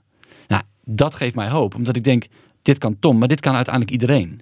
Maar het zit gewoon in oprechte aandacht. In oprecht doorgeven. ehm, eh, eh, naast de ander lopen. Eerlijk zijn. ehm, er gewoon zijn. Ja, je hebt wel heel eh, mooi eigenlijk van alles vanavond gedeeld met ons. Over ja, Alongsiders, jouw reis eigenlijk naar het, het hoogtepunt toe van, van Alongsiders. En dat was niet eens hier in Nederland, maar dat was in Cambodja. Daar moest je eigenlijk ja, met de neus op de feiten worden gedrukt. Hoe eenvoudig het eigenlijk kan zijn om, om om er te zijn voor iemand, om naast iemand te lopen, om tijd te geven, om cultuur te kennen. Dat heb je meegenomen naar Nederland. Je hebt een waanzinnig toffe initiatief hier neergezet in, in Nederland sinds, dat je terug bent. Alongside Nederland.org. Daarin zijn jullie met elkaar bezig om eh, ja, mensen eh, klaar te stomen om naast iemand te gaan staan. Je hebt ook een oproep gedaan van ben je nou zo iemand die misschien juist iemand nodig hebt die naast je loopt, ga dan naar een kerk, ga naar een alpha cursus. Laat weten dat je iemand wil, naast je wil hebben. Ik kan me ook goed voorstellen eh, dat dat niet allemaal zomaar eh, eh, met een pet op wordt gedaan van nou, geef maar wat en we zien wel of we dit allemaal kunnen realiseren. Want dat kost heel veel tijdsinvestering. Wat jij doet samen met een team, achter je, met je. Hoe, hoe wordt dat gedaan en hoe kunnen mensen misschien wel meer van jullie te weten komen? Jullie volgen, de duimpjes geven op de socials. ja, misschien heb je wel het op je hart dat je denkt, hey, eind van het jaar, ik wil graag eh, wat goede doelen, wat geld geven. Het is niet dat ik zeg, eh, kerst is eh, in aantocht, maar meer van, hé, hey, maar ik wil wat doen voor een ander. Hoe, hoe kan dat bij jullie? Ja, ja toffe vraag. Kijk, wat wij, willen, wat wij heel graag willen, en ik, ik hoop echt dat je dat door deze uitzending ook al heen hebt gehoord, wij willen heel graag dienen. Dus wij hebben op onze website, en ga er, ga er echt even naartoe, wij hebben heel weinig staan met prijskaartjes. Eh, wij willen gewoon geven, we willen dienen. En geld mag nooit wat ons betreft een belemmering zijn. Dus, dus pak die tools, ehm, zet ze in, doe de training, die staat ook voor je klaar. Al, dat soort dingen, die, die vind je daar. Dus ga daar naartoe, browse daar rond. En neem ook gerust contact op als je zegt, hey, ik, loop hier even vast of eh, kun je me hiermee helpen. Dat, eh, dat willen we gewoon doen. Als team staan we daarvoor klaar. Maar inderdaad, het, kost een heleboel geld om dit allemaal te maken. Enorm veel tijd gaat er natuurlijk in zitten. Ehm, dat is ons hart. Maar ja, wij moeten ook eten. Ons team moet ook eten. Die website kost ook wat. Al die tools maken, alle drukkosten. Hè? Ja, Dus, dus dat is een terecht punt. Mocht je nou zeggen, ja, wat jullie doen vind ik zo ontzettend tof. Daar zou ik eigenlijk wel aan willen helpen. Dan kun je op de website helemaal eh, rechtsbovenaan vind je een knopje. Dat, daar staat ondersteun. En dan zou je vriend kunnen worden van de Longsiders. Dan zegt, nou, ik wil gewoon voor een klein bedrag per maand wil ik, je, wil ik eigenlijk jullie helpen om dit toffe werk ja, door te hè, mogelijk maken dat het door kan blijven gaan. Hè, dat we meer, meer jongeren kunnen toerusten. Dat meer mensen welkom kunnen worden eh, geheten en een longsider krijgen. Eh, dus daar kun je vriend worden op die, eh, op die pagina. Helemaal rechtsbovenaan zit een link. En als je zegt, joh, ik, wil, ik vind het hartstikke tof, maar een periodieke gift, dat, dat gaat niet worden. Nou, je zou ook eenmalig kunnen geven. Maar nogmaals, ons hart is echt om te dienen. En, en, eh, en daarin om vrienden te verzamelen die zeggen: eh, ik, ik word, ik, Dit doet iets in mijn hart, dit raakt mij. En eh, ik wil naast jullie lopen. En dat is eigenlijk wat we van je vragen. Joh, kom dan naast ons lopen, terwijl wij naast anderen lopen, zodat we op die manier een beweging krijgen van mensen die gewoon omzien naar de ander. Ja. Nou, het is een hele toffe manier om, een, eh, ja, om, om iets te geven. Hè? Om, om eigenlijk te geven, dat kan eh, zijn doordat je eigenlijk alleen al naar, uh, naar alongsidersnederland.org gaat. Eh, ben je misschien wel aangesproken dat je denkt van, hey, wauw, ik vind sowieso een initiatief als dit om, om te zien naar een ander al heel tof. Ik wil gewoon eh, een gift geven. Dat kan even eenvoudig tegenwoordig. Ga eventjes eh, naar die website eh, bovenin, daar staat ondersteunen, een mooie groene knop.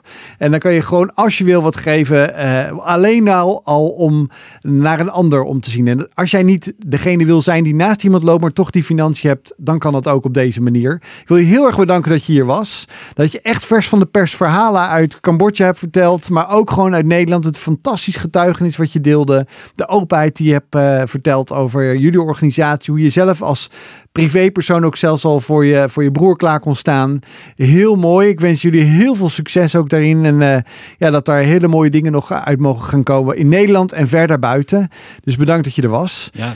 Dankjewel Joost. Ja, ja. tof om hier te zijn. Ja, zeker weten. Nou, heel goed. Want eh, dat, die tofheid die willen we iedereen eh, hier eh, laten ervaren. Toch Marije? Ook Ja, de volgende absoluut. gast weer van volgende week. Die is alweer klaargestoomd door jou waarschijnlijk. Of van de week met een redactiegesprekje. En dan eh, hebben wij alvast de allerbeste gospel. Ga ik weer voor je uitzien, uitzoeken voor volgende week. Bedankt Ja, dat je weer meeluisterde. Uh, Dat, heb jij nog aanvullingen voor vanavond, Marije? Nee, ik dacht ik ga even kijken wie we volgende week hebben, zeg maar. Eh, dus Henk-Jan Kamstra over de organisatie IGM. Nou, kijk. Dus eh, dan, eh, we blijven in de goede, nodige, toffe thema's eh, zitten. Eh, en eigenlijk ook wel een beetje in, eh, in Azië. ja, man. zeker. Ja, en we gaan richting die kerst ook. Wij eh, gaan met je mee. Ik zeg eh, tot volgende week.